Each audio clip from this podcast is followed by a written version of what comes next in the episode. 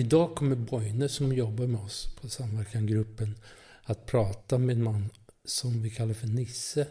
Och han går i behandling här hos oss sedan lite drygt två år tillbaka. Så vill jag bara tillägga innan de börjar att vi har döpt om den här podden till Allt om beroenden. Slash, eller snedstreck addiktologerna. Och jag heter Andreas Fjällström och jag hoppas att du får en fin dag eller kväll eller natt. Ja, välkommen till eh, Dysberoende-bloggen, eller Addiktologerna som vi också kallas. Vi eh, sitter här nu på 13-dagsafton och eh, vi har med oss här eh, Nisse. Hej! Välkommen! Tack! Eh, du är här eftersom du har, du har varit med oss nu ett tag. Hur länge är det egentligen? Nu är det två år och tre veckor. Ja. Tänk vad tiden går. Ja. Det låter helt hysteriskt när du säger två år. Mm. Ja, hade, hade någon sagt när jag sökte mig hit och började i gruppen här så har sagt två år, då hade jag nog blivit tveksam. Mm. Men eh, det, det ger fortfarande. Ska, det kanske är en bra fråga då, eller en bra sak att ta upp då. För kanske, alla, kanske andra som blir avskräckta. Alltså, vad är det som gör att du är kvar här efter två år? Ja, jag hade ju ett, ett missbruksproblem med eh, utagerande med sexköp och porrsurf och jag drack för mycket ensam ofta. Och det fick jag ju hjälp med och den tiden, så att säga, den omedelbara för att bryta beteendet, landa i chocken och eh, så att säga, vakna. Det tog kanske tre, fyra månader.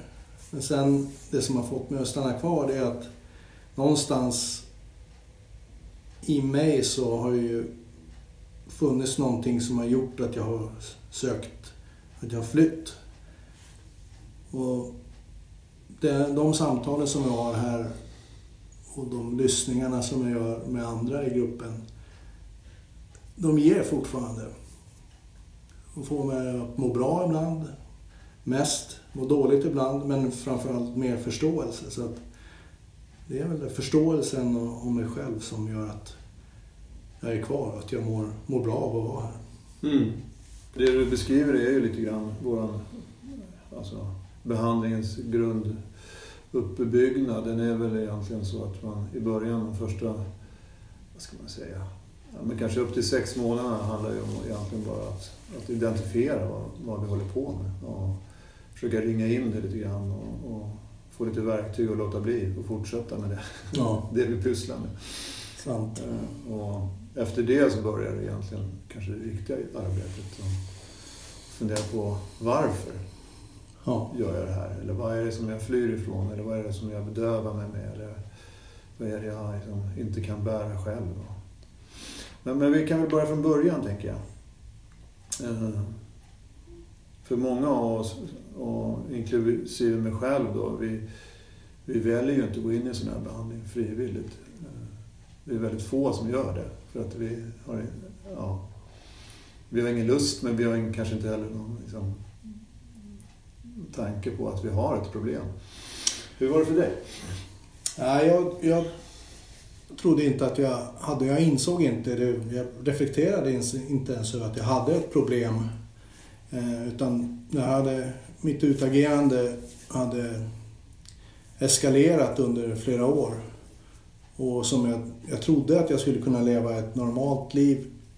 Eh, men omgivningen märkte, och förstås min närmaste familj, ehm, min fru och mina barn märkte att jag försvann liksom i en sorts bubbla. Men jag trodde att jag skötte allt bra, praktiskt, jobb, familj. Ehm, men när jag blev påkommen med otrohet och sexköp så var min första reaktion att, att förneka det. Att jag, ehm, att jag inte hade något problem. Och eh, fortsatte att förneka och ljuga om att jag inte hade eh, utagerat och, och köpt sex. Eh, tills jag blev konfronterad. Man kan säga att det var som en, en intervention. Eh, och jag blev konfronterad och bröt ihop helt enkelt. Och, och erkände. Och eh, ja, det, var en, det var en enorm chock och eh, i den där chocktillståndet som jag var och när jag släppte på allt, allt det, alla, alla lögner och allt maskhållande. När jag, när jag släppte på det så kommer jag ihåg att jag sa till mig själv eller till min familj som var med att Fan, jag har ju ett problem. Jag är, det är ju det är rena rama sexmissbruket det här.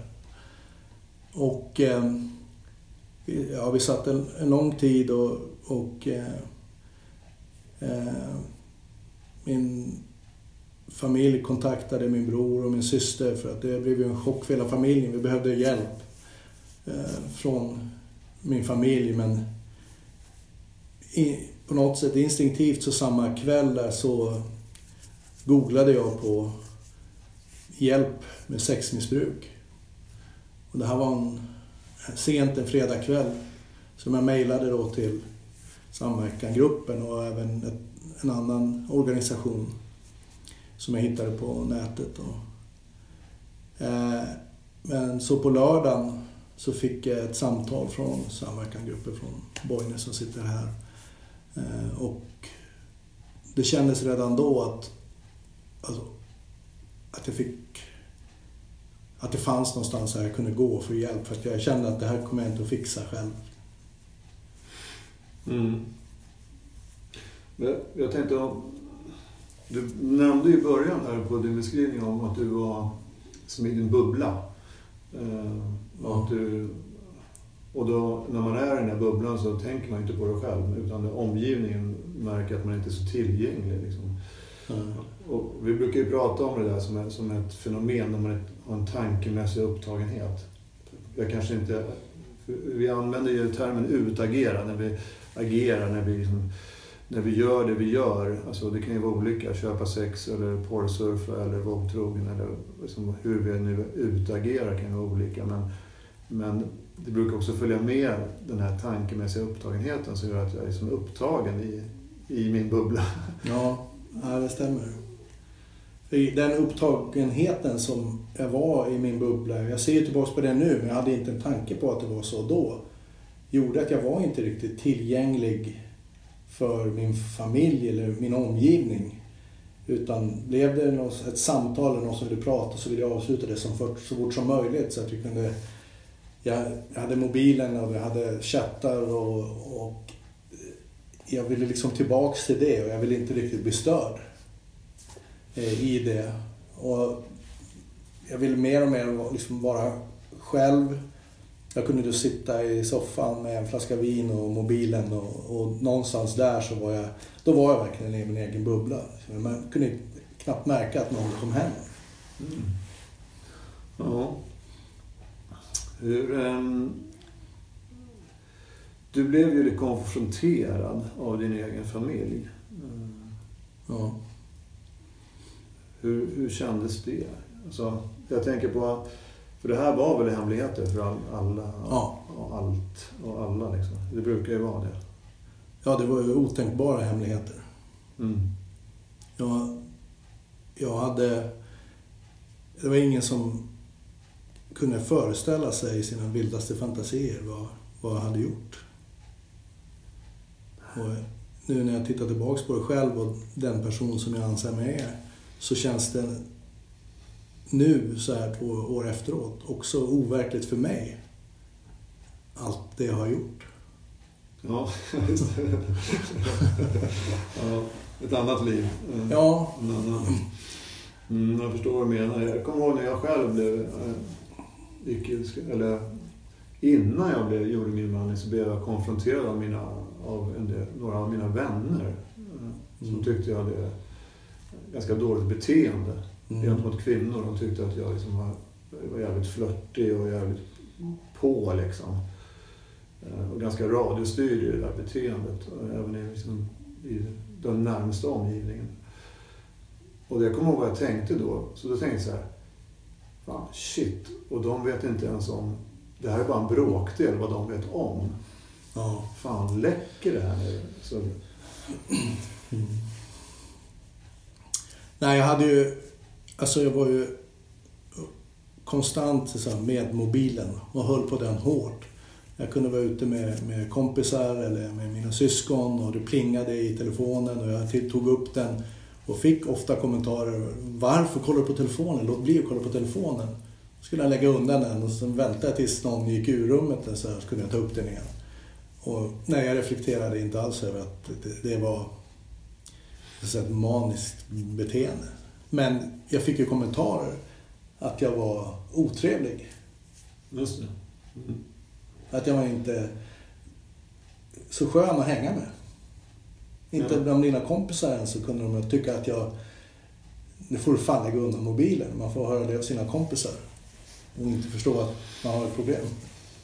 Det finns ju ett väldigt enkelt så här lackmustest om, om, man, om man, vad man håller på med, om det är okej eller inte. Och det är ju egentligen om det är en hemlighet eller inte. Eller är det någonting jag kan berätta för min omgivning och min familj och mina närmaste. Var det någon som hade, var in, invigd i din hemliga värld? Nej, eh, jag har ju några närmaste vänner från, från uppväxten men eh, jag, jag berättade ingenting de visste, hade ingen aning om. Så det var alltså de vanliga hemligheter, eller vad jag ska kalla det, skulle, kan man ju berätta. Men det här var djupa hemligheter. Jag, eh, jag hade liksom passande eller opassande lögner för när jag reste bort eller vad jag gjorde för att då för att ingen skulle få reda på vad jag gjorde egentligen. Så det var, det var både breda och på bred front och på, på djupet hemligheter. Under din aktiva period, när du var i det här tillståndet eller i den här... Vad, fanns det några betänkligheter då? Fanns det några signaler i dig som reagerade? Ja, det, det kom upp eh, tankar av så samvete eller tankar av skam eller eh, som den här lilla samvetsfiguren man kan ha på axeln som säger att vad fan håller du på med? Och du måste lägga av med det här. Det kunde vara när jag satt på flygplanet hem från någon resa där jag hade utagerat och varit otrogen. Eh, Så jag sitter där, kanske bakfull, eh, ah, väldigt tung ångest. Eh, Och Eh, någon sorts blixt av medvetenhet att vad gör du? Men jag blev bättre och bättre med åren under de här åren som jag, som jag mått dåligt och utagerat på att lura mig själv på något vis och hitta på ursäkter för mig själv. Eh, och hitta på kompensationer som jag gjorde när jag kände att Ehm, jag hade varit otillräcklig hemma eller jag var borta. Så att då fick jag så överkom- försöka överkompensera med handlingar. Men det var ju fortfarande inte närvaro. Men de där stunderna av så säga, medvetenhet blev jag, jag blev en bättre och bättre säga, på att ljuga för min omgivning, vänner och familj, men för mig själv också. I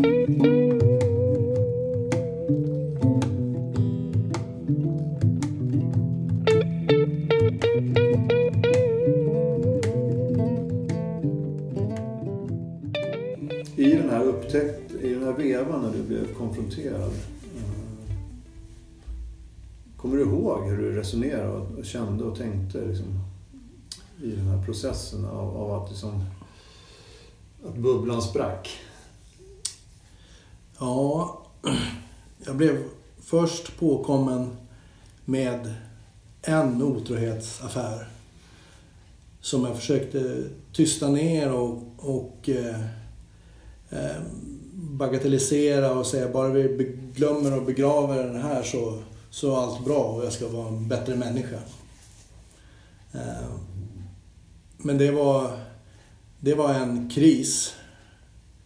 Men på något sätt så försökte liksom den här flyktpersonen att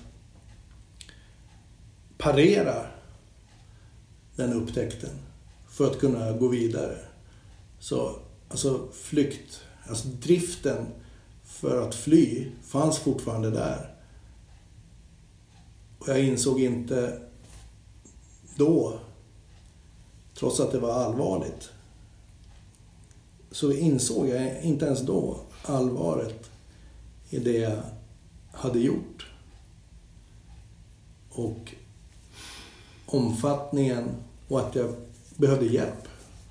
Så du såg det mer som en engångsföreteelse? Som att det var möjligt att släcka branden? Ja. ja, jag tänkte släcka den här branden så kan jag fortsätta med mitt liv som vanligt sen. Mm. Och, eh, och det gjorde du? Eller? Ja, det, det, gjorde jag. Jag, jag, eh, jag bröt kontakten med den kvinnan och eh, eh, eh, svor att jag inte skulle vara otrogen mer. Eh, men att det fortfarande fanns... Faktum var att det fortfarande fanns andra kvinnor som jag fortfarande chattade med på sociala medier och appar. Så jag hade inte... Det var inte liksom det uppvaknandet, det var inte den kraschen som fick mig att bryta mitt beteende. Utan den kom senare. Mm. Och det, vi brukar ju prata om de här hemligheter och lögner som vi...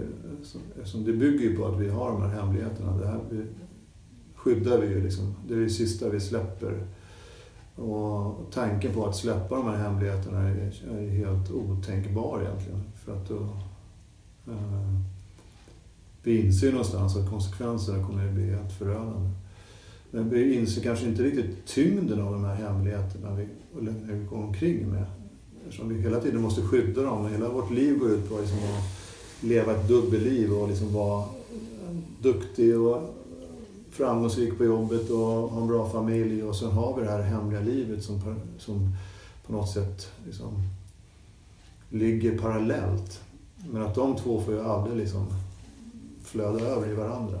Nej. Men, men den här energin som går åt att skydda det här, den, den brukar vi aldrig känna av riktigt förrän, förrän liksom det kraschar. Mm. Nej, och nu i efterhand så, så har jag sagt då, mina barn också sagt att hur orkade du hålla i alla de här lögnerna? Hur dåligt har du mått? För att det...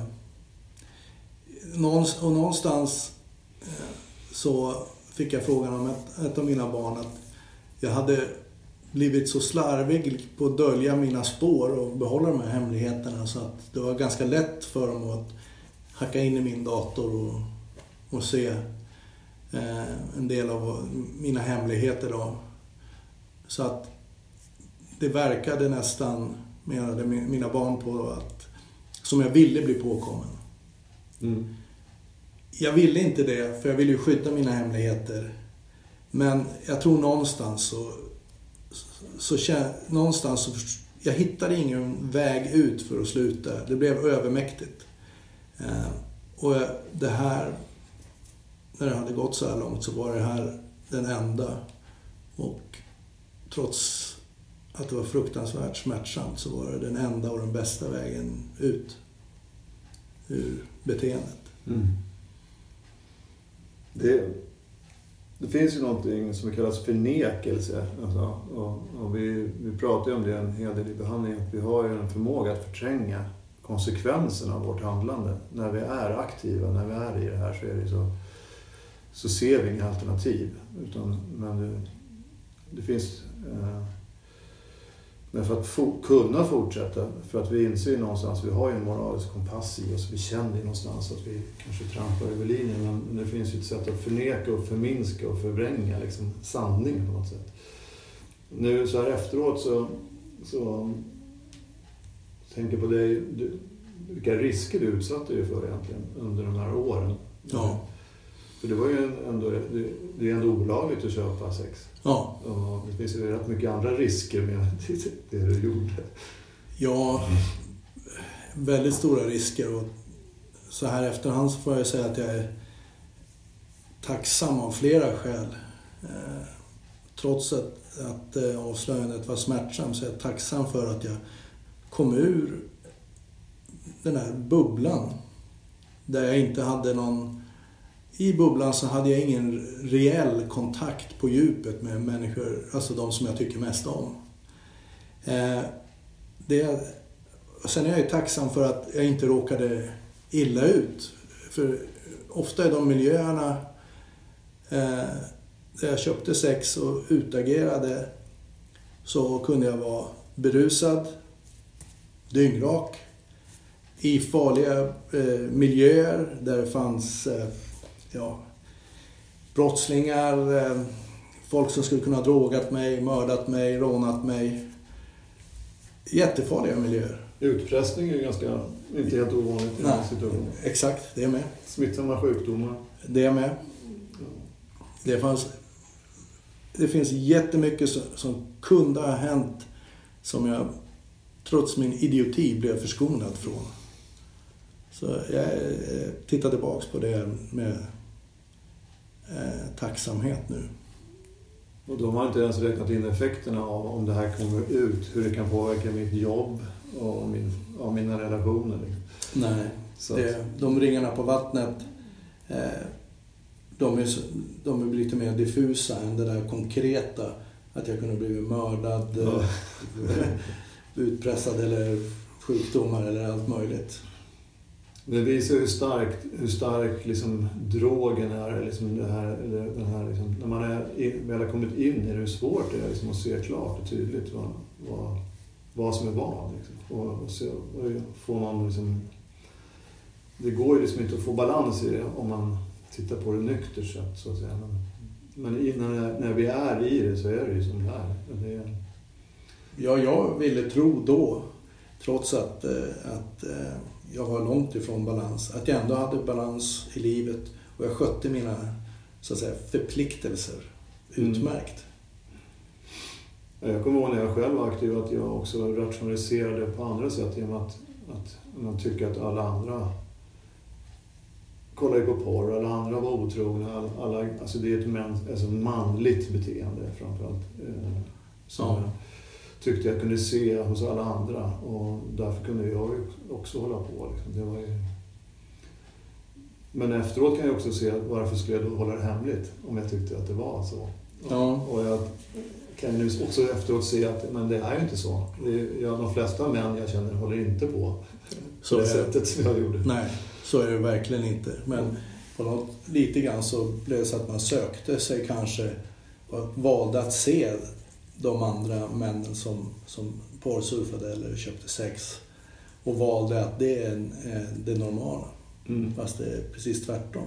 Alltså, så många saker som är totalt irrationella och idiotiska.